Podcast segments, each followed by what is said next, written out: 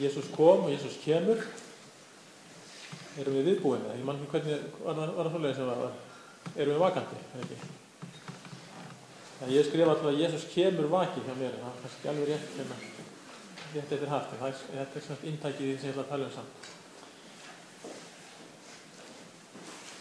Já, aðvendsvenni byrju, byrju eins og hefum tekið eftir og við erum byrjuð að undirbúa jólinn, það var jólabasar hérna í húsinu fyrir lungu og það er jókonni jólaskreitingar allstaðar og, og, og þetta er allt á fullt með þess að jólasnjórni komin þannig að það er allt í sving.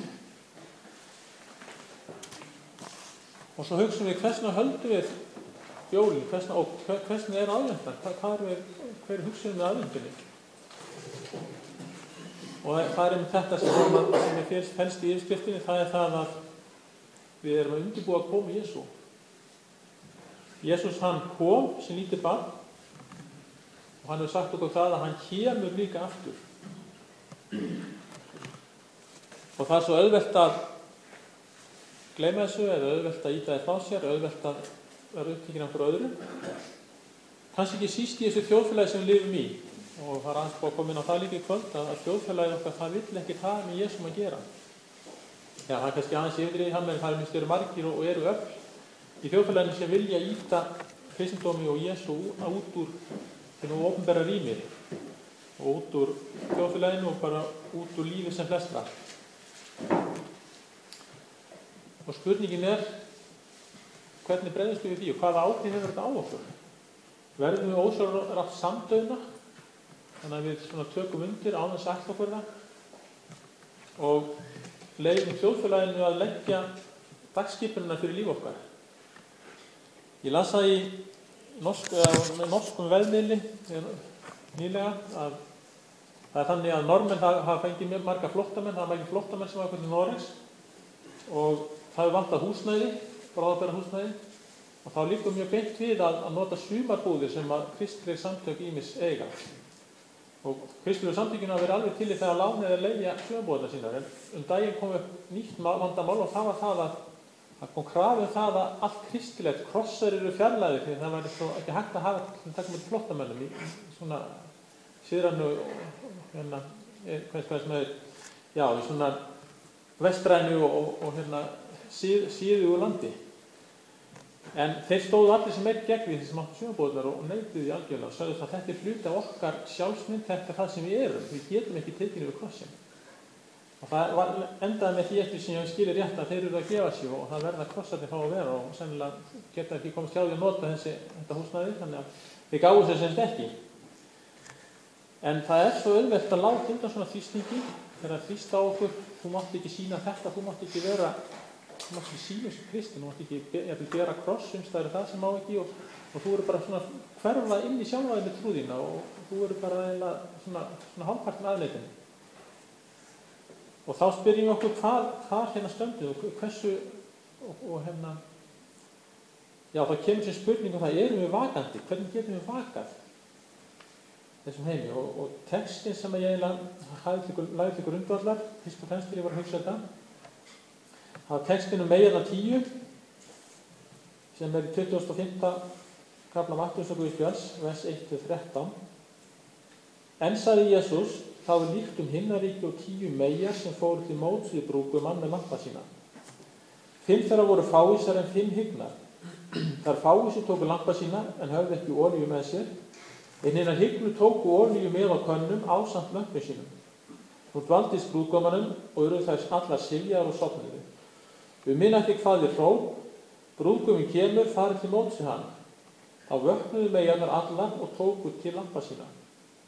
En þær fáið sér sögðu við þar hygnu, gefið oss af olíu í þar, þar að slokna á lömpum vorum. Þær hygnu svörðu, nei, hún nægir aldrei handa öllum. Farið heldur til kaupmanna og kaupir handa yfir. Meðan þær voru að kaupa kom brúðguminn og þær sem viðbúnar voru gengum með honum inn til brúðkaupsins og dýrinu var loka. Setna komi hína megarnar og sögðu, herra, herra, ljúk upp fyrir oss, en hann svaraði, sannlega segi ég þur, ég þekki þur ekki. Vaki því þér vitið ekki daginn í stundina. Það er sagt að ólíja sem merkjum heilagan anda og, og, og sem táknum heilagan anda og ólíjan þýðir gjarnan heilagan anda eins og til dæmis með þeim að voru smurðir, konungar og fleira, þá, þá var notið ólíja til merkjum sem það að, að þeir hafa verið heilagan andi sem kemur yfir á. Og það er mjög nærtækt að ætla það að í þessari líkingu sé ólíjan táknum heilagan anda. Og kannski má segja að það var lögin sem að heilagur andi, eða sem ólíjan kveikir segja, lögin sem ólíjan kveikir, það sé þá trúin í okkar, trú okkar á Ísum Krist, trúin í lífi okkar. Og það er svo eftir þetta verk með þessar megar sem voru að býða, þær, þær eru allar með ólíu, þær eru allar með ólíu. Og kannski, ég held getum ekki vikist undan því að segja það, að þær hefur allar þegið, þess að gjög Guðs, eru allar þegið, meðtikið heilagur andi og hann hefði vakið trúna hjá um öllum. Og svo er annað sem gerist með allar, það sopnuðu allar. Það sopnuðu allar, það var ekki bara sumar, það sopnuðu allar. Munurinn sem var á þeim var sá að sumar höfðu nógu ólíu og aðra ekki. Sumar höfðu nógu ólíu og aðra ekki.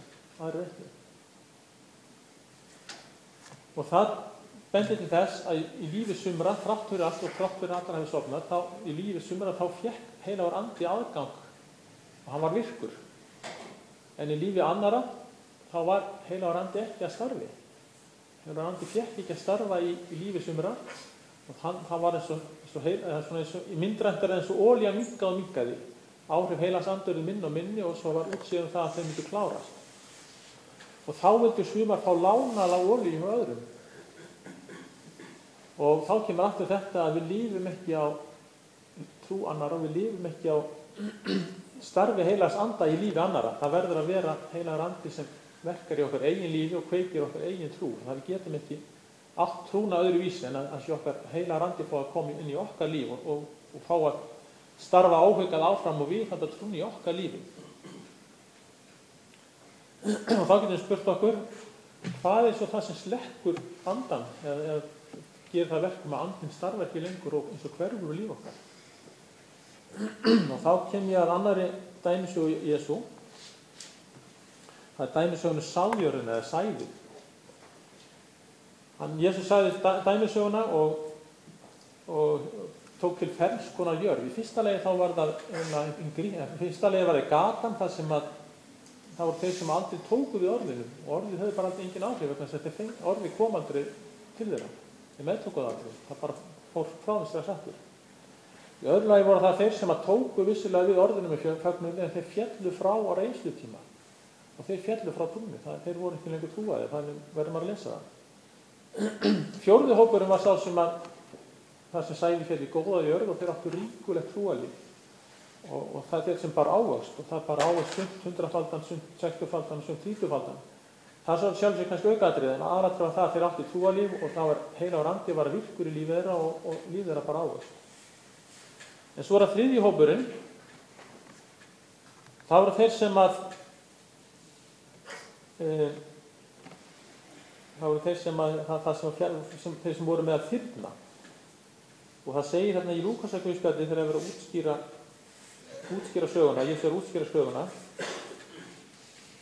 það er fjall með að þyrna merkir þá er heyra en kapna síðan undir áhyggjum auðæfum og nöftnum lífsins og ber ekki þroskaðan ávast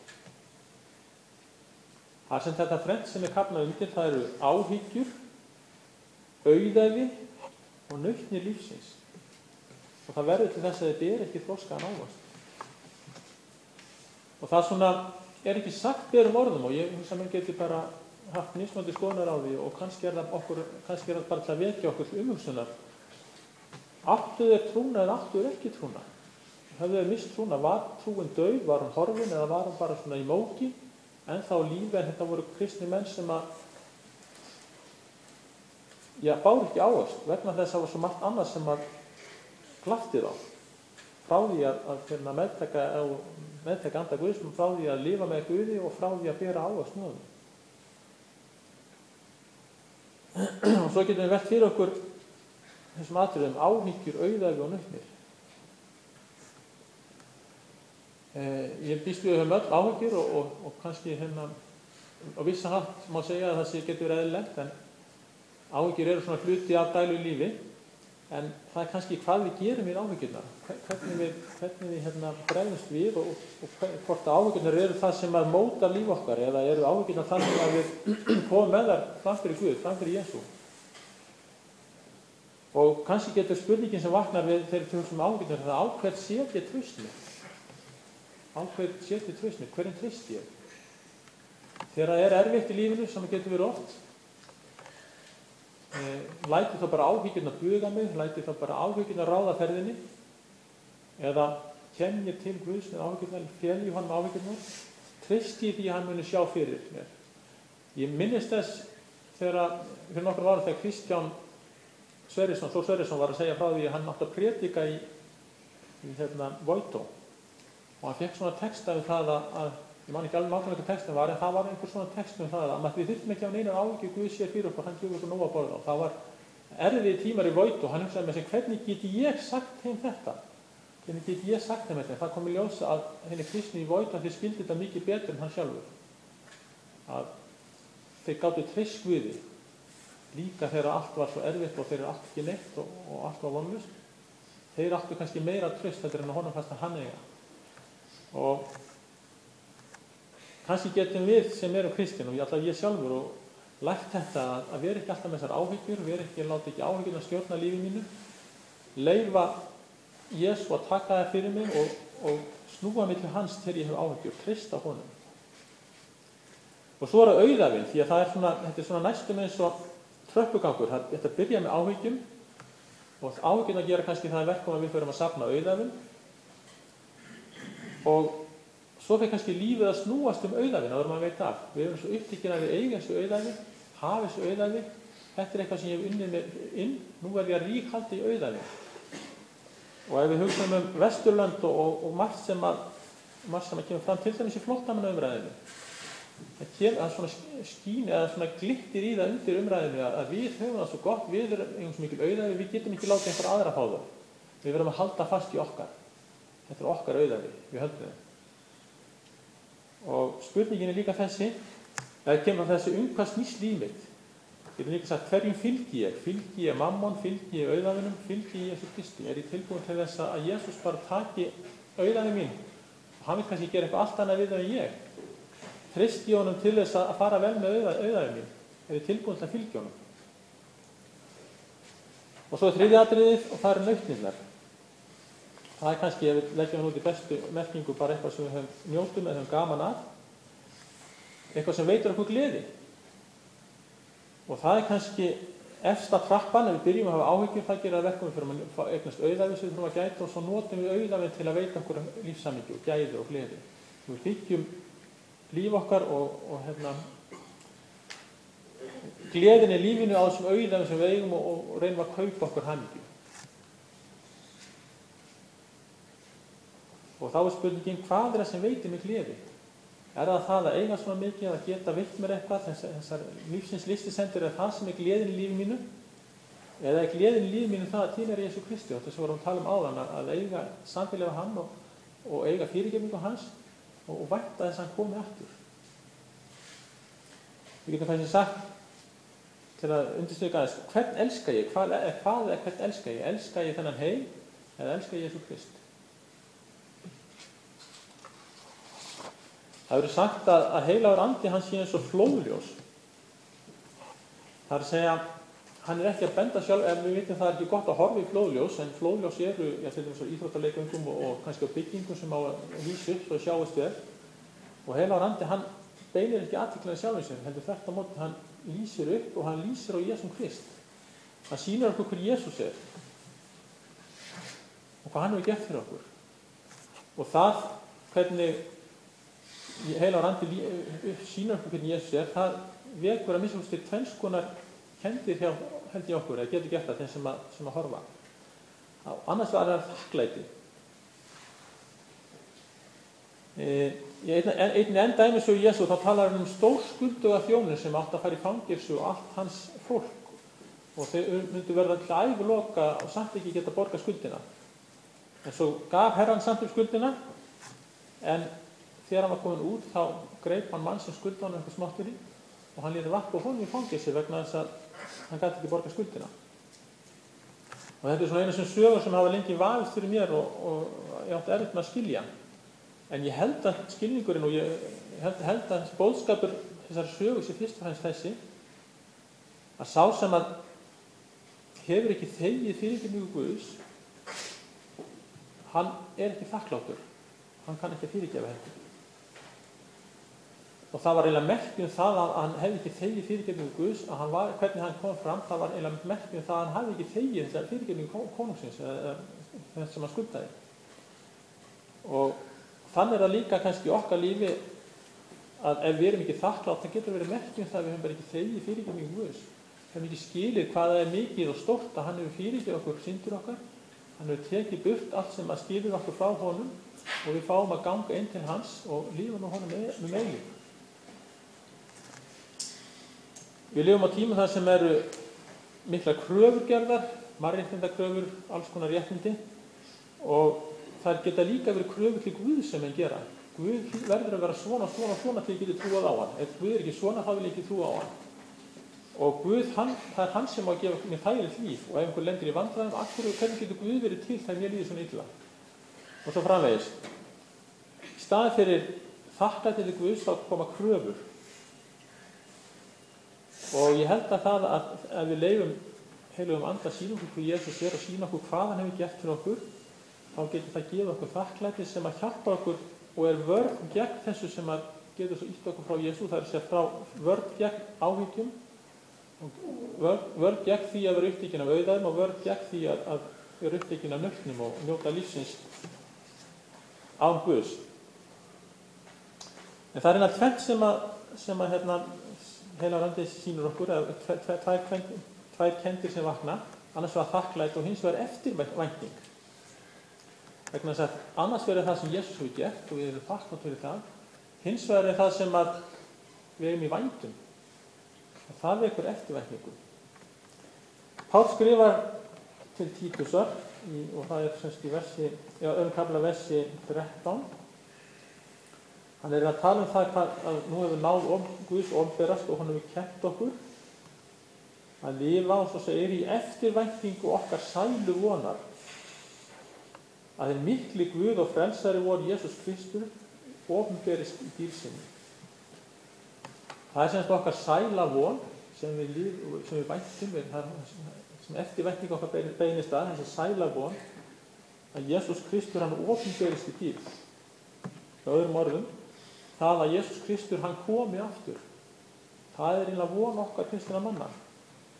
Það er ekki við, við þó að við viljum bæta heiminn sem kostur er og viljum e, leggja mönnum lið og allt það, þá vitum við það samt að þetta er ekki heiminn sem að mun verða fullkominn og, og verða góður.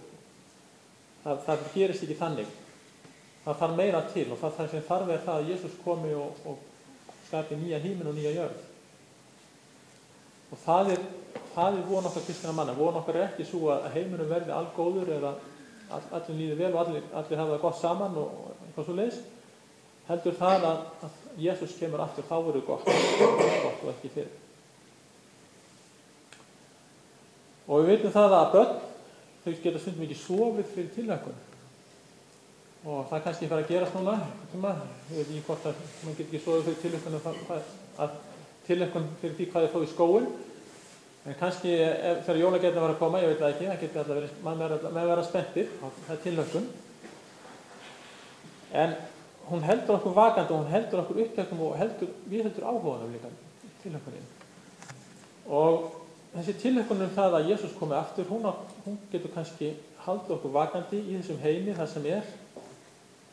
Margslægt og við kannski gleymið stundum að, að Vesturlönd nútímas er eiginlega undantekning frá reglunni að hvað kristnimenn hafa það gott.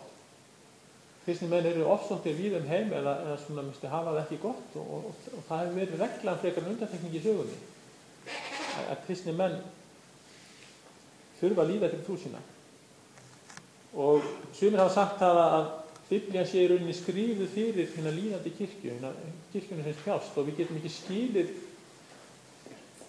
Biblíuna og, og ástæðan fyrir því hvað okkur vestanandabúnd gengur illa að skilja Biblíuna er það að við lífum bara ekkert í þessum aðstæðin sem að Biblían er skrifuð til.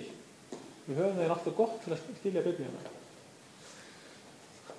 Þess vegna er svo mikilvægt að við viðhöldum eftirvækningunni, munum það að það er, það er ekki þessi heimur, það er ekki þessi kristnu vesturlandinu sem er heimur sem að Guð að, sem, sem er hinn eilífi heimur, heldur er það heimur sem Jésús ætlar að koma með og skapa lífið með honum meili sem er það sem að vekur okkur eftirvækningu. Ef ég aðeins dreg saman í lokinu sem ég að reyna að segja, fyrsta lagi þetta, heila á randi, hann, það er hann sem gefur okkur trú á Jésu. En þessi trú, hún getur dofnað. Og hún getur dofnað ef heila á randi fær ekki að komast að í líf okkar.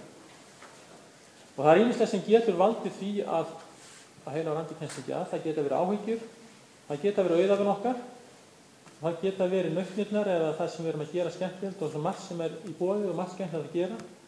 Að það getur bara verið að, að það komi vekk fyrir að heila á randi geti starfað í líf okkar. Og starfhélags anda er, það að, er fyrst, fyrsta atriði sem hann gerir er það að hann bendur úr Jésum Krist og hann vekur þakklæti og hann vekur eftirvætningu. Þakklæti fyrir Jésu fyrir það sem er gert og eftirvætningu eftir því sem við eigum hjá hann. Og að lokum þetta að Jésús hann kom á jólunum, það finnst við vist í jólum, og Jésús hann mun koma aftur, en hann kemur líka í andarsinu til okkar hvers og eins. Hann stendur í hjartadyrnar og knýða á og spyr hvort við viljum, viljum heipa honum inn. Og þá verður það spurningin sem við þurfum að svara og hvert fyrir síð. Trist ég Jésu? Vil ég fylgja honum? Og elska ég hann?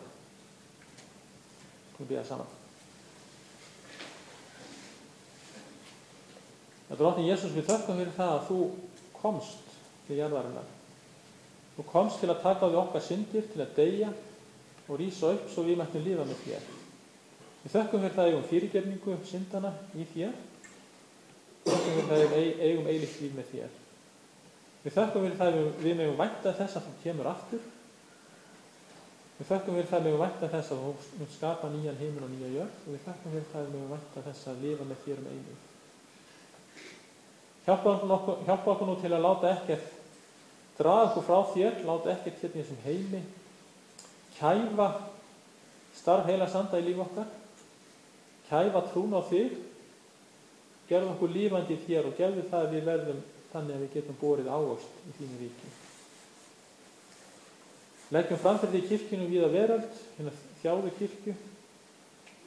Við leggjum sérstaklega leggja framfyrir núna Eþjópíu, þú sér erfleikana það og sérð, já það er mannlega að tala virðist þessu erfitt og tekur svo á. En við þökkum fyrir það að þú ert meiri en allir erfileikar og þú hefur líka möguleika og við þökkum fyrir það að þú hefur ráð. Og við leggjum Jésupið fram fyrir þig og við leggjum kirkuna fram fyrir þig, leggjum sérstaklega fram fyrir þig Ómorati, líka Voito og Konso. Viltu starfa drottin og viltu kalla menn til starfa, hvort sem er Íslandingar eða Eþjópar eða einhver aðri.